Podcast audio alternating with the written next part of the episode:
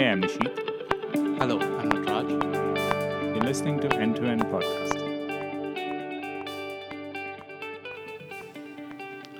Last week I was going through your blog and I looked up on your uh, late 2018 article where you wrote down predictions for 2019.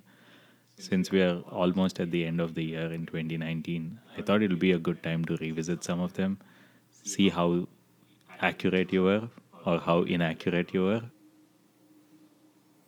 I wrote this blog last year, November, uh, December, and the reason for writing or making any predictions is to put forward my own thoughts publicly, and it's also a good way to come back and look at my worldview, how it was, and then to evaluate yourself, like where I went wrong or right.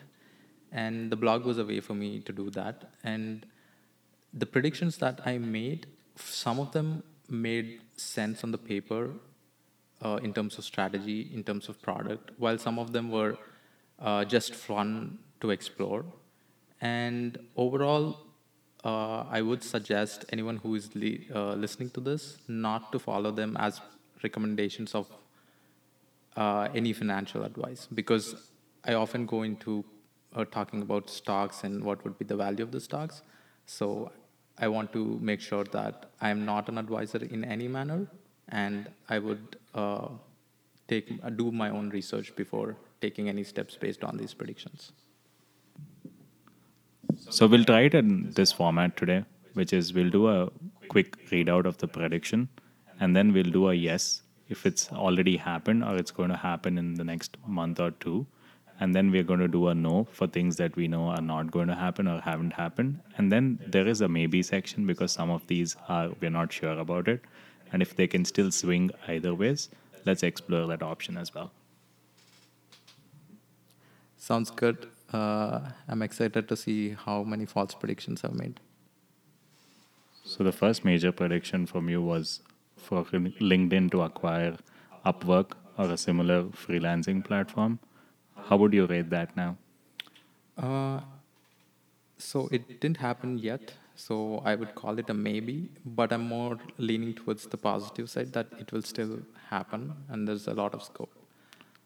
Why do you think so? Could you give a little bit background about it? So when I wrote uh, this prediction, the thesis was uh, if you look at LinkedIn's uh, strategy or LinkedIn's vision, they're essentially a professional platform on the social graph. And today, LinkedIn, LinkedIn's core transaction is connecting job seekers to the job givers. And today, we see a big evolution in new types of jobs that are being created. And I often like to call them as uh, sovereign individual careers because the limitation of who will you work for and on what you would work for and where you will work for are being changed and there's an incredible amount of control and sophistication being given to the individuals. So we are seeing these new kind of careers uh, and essentially mostly on freelancing uh, basis. But linkedin today is not the most widely used tool for this purpose. So it's a subset of their essential core transaction. And linkedin as a product has to evolve to give this uh, to make these new connections on their platform.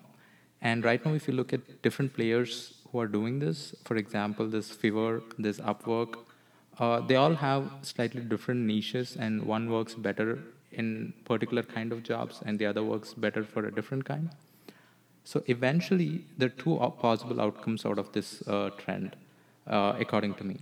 One is linkedin will either push all these features into their own platform or like create a new product within the company itself to support these new use cases uh, on which they can create these new connections. Or they'll acquire a platform like upwork or fiverr and based on the kind of uh, connections that are being made uh, upwork seems to be more appropriate for linkedin's core strengths. So that's why i made this prediction and I still think that is uh, that will happen in the near future. Maybe the timeline I'm not sure. Maybe it take one year or two years, but I'm still uh, pretty bullish on this happening. I wouldn't hold my breath, but I think it falls into, like you said, the core mission of LinkedIn. And if you look back a couple of years, they acquired lynda.com, which was the educational platform. So they filled that piece with of knowledge and how people can upskill on LinkedIn itself. And I think to your point, the short careers piece is still yet to be solved by them. Yeah, I think, but it's more of a long term thing. So I wouldn't, as you said, hold my breath. Moving on, next one is the big gun, Facebook. So you made two predictions here. The first one is that it's going to lose $100 billion in market cap. And the other one is Facebook would be banned in one of the first world nations. How would you rate it? So for the uh, lost in valuation for about 100 billion, I was, I think, brilliantly wrong. Uh, the stock is up more than 100 billion today. I think this is this is a weird thing about Facebook. The reputation of the Facebook uh, as a company versus its stock value are inversely correlated. I think as the company's reputation goes down, its stock value is going up. And that's weird for me. And that was my thesis because of the reputation loss, not because of the product being bad. Because obviously, Facebook has the, the most incredible social product that is Instagram right now. Uh, regarding the second prediction, uh, that it would be banned in one of the first world nations, uh, especially that nation will come out of European Union. I still think uh, it's a yes. It is. Uh, it didn't happen, but I'm still positive that it will happen. So maybe you might have not been accurate in the prediction of the outcome, but I think some of the investigations into Facebook and all the talk around Facebook, you were not very far off. So let's take a moment to talk more about why you made that prediction late 2018. Uh, so the number of scandals that came out of Facebook, whether it be it uh, the Russian influence on U.S. elections or uh, the da- the data leak scandals, there was pretty much a bunch of scandals that uh, came out of Facebook, and the way they reacted to it, uh, a lot of governments today are very pissed against Facebook, and you can see that pretty much in the narrative uh, that we are seeing in the mainstream. So the reason why I thought it will uh, it would happen and the reason why i still think it can happen is uh, one single individual margaret vestager uh, if you look at all the fines that have uh, come out of uh, european union whether it be on google or facebook uh, because of their anti-competitive practices or data privacy issues. It's all because of one single individual who was driving this um, effort which is margaret vestager who's the who's currently uh, competition commissioner for uh, European Union, and she only her her power has only been increased recently in the European Union, and we would see more uh, such kind of moves coming out of European on these companies and especially Facebook, uh, and that is the reason I still think it's going to happen. Who next one is Disney. So two major predictions here. One is it's going to launch its Steam streaming platform, Disney Plus, who, and it's going to have 20 million subscribers in the first three months. And the second one was its stock price is going to double from $113 to a record level $226. So, how would you rate both of these? I would say a yes and a maybe. Uh, the yes one was pretty easy. I knew at the time of prediction this was a pretty easy target to predict because uh, it was uh, in the pipeline. The Disney streaming service was in the pipeline pretty much. So I was not any genius to call this out. Uh, and it was pretty obvious. So that's an yes. Uh, for the second one, the stock price being doubled, it's up 16% today. And I'm very bullish on this stock. I mean, Disney has so many levers to pull using its streaming services. And the way they cover uh, the age group to which they cater, uh, from a small kid uh, to a you know middle-aged person who's watching all kinds of sports their breadth of coverage in content is extremely valuable to the user and even though users will have like 6 to 8 offerings of mainstream streaming services disney is going to become the core uh, part of a, cons- uh, a consumer's disney is going to become the core streaming service that every individual or every adult in the US will have. Similar line of business, since we're talking streaming services, let's talk Netflix. So you had two major predictions there. One was the stock price is going to be cut in half from 300 to 150. And the second one is Netflix going to acquire a production house to boost its content. I think some of this could be tied to the earlier prediction of Disney, but how would you give an overall rating and what would be the reasons for the prediction? For this prediction, I mean, combining both the predictions, I would say it's a maybe, and I'm still leaning positive that this could happen. And the thesis for this is Netflix is not vertically integrated. For example, if you look at Disney, Disney is very well vertically integrated. And what I mean by that is they own a production studio where the movies can be produced. They own they control the distribution of their product across multiple channels, be it cable, uh, theater, or uh, YouTube. And they also have other avenues of deriving revenue like merchandising through Disney stores, and as well as their uh, entertainment offerings like uh, Disney parks.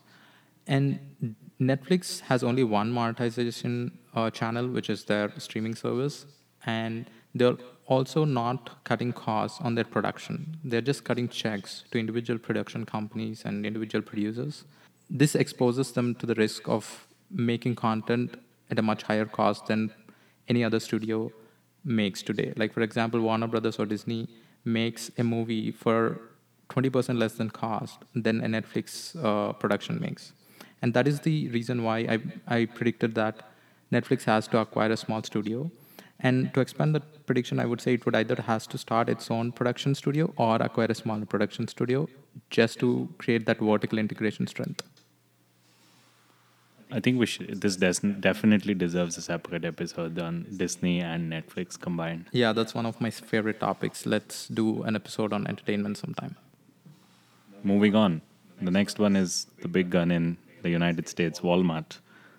The prediction was stock price to be doubled from $90 to 180 because of its excellent performance in the online grocery part. So is this a yes, no, or a maybe? I'll take some creative leeway here and uh, call it a yes. The thesis behind why uh, I was so bullish about uh, uh, Walmart, and I'm still bullish about Walmart, is their incredible capacity to execute in grocery sales. I mean, this is a company which started in 1969, but they only entered groceries in 1998. And for reference, Kroger was founded in 1883. So this company came out of nowhere and through its strength of supply chain and through its strength on how to cut margins has executed so well in grocery that they are going to be the leader in grocery sales. And by my early observation in the recent past, I'm only doubling down on my prediction that this is still going to happen. In the online grocery space, the next call was on Instacart. Instacart being acquired by either Walmart or Kroger, and mostly on your bet was on Kroger. So, how would you rate that prediction? Uh, I would rate it as a maybe, and this one I'm completely unsure because it could go either ways. And the thesis when I actually wrote this was uh, both Walmart and Kroger are huge players in grocery sales. And as we are moving more and more towards uh, grocery delivery and food delivery as a trend, uh, Instacart has the technology to provide the service. And Walmart has actually uh, shown us that it can execute on technology side of its business. Uh, and uh, you, see that as a proof uh, in their other retail experiences. And Kroger, I think, will need something like Instacart to work well since they own so many franchises. And that's why I was betting more on Kroger. But now Instacart itself is becoming such a huge business. Um, this could go either ways, and Instacart just might purely end up as an individual company, as a huge individual company. So it's completely a maybe. My bet is more on like with so much venture capital money available in the private markets and the fact that the business is so big, they might actually have a chance at building a standalone business. Yeah, I think there is a definite clear path, but I think it's more on the side of Kroger's need to acquire rather than Instacart's need to get acquired.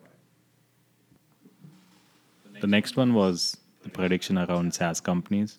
So you predicted there's going to be some acquisition activity in this space with Oracle, IBM, Salesforce, and Adobe uh, the big guns in this space, acquiring the small ones like Dropbox, Box, Alation, Tableau, Zendesk, and Workday. How would you rate that overall? With all humility, I have to say I've nailed this one because uh, Salesforce has acquired Tableau, our home company from Seattle, and also declared uh, Seattle as uh, their second headquarters. Uh, at the time of writing, the thesis behind this was twofold. For the old school companies like uh, Oracle and IBM, they've been slightly slower uh, in terms of their cloud transition and showing uh, growth in revenue uh, in cloud related services. So, to beat and keep up with the market expectations of cloud growth, some of these acquisitions make sense to just get that revenue on their balance sheets. Uh, while for the companies which have been successful on the cloud, that is the Salesforce and Adobe, it just made a lot of strategic sense for these companies to be acquired. And uh, the Salesforce acquisition was was mostly strategic rather than beefing up the balance sheets.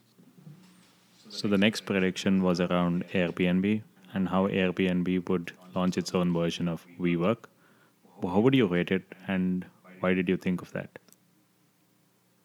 So for uh, this particular prediction, I would call it a maybe uh, because it could go completely either ways, and I don't see any hints going in one direction or the other.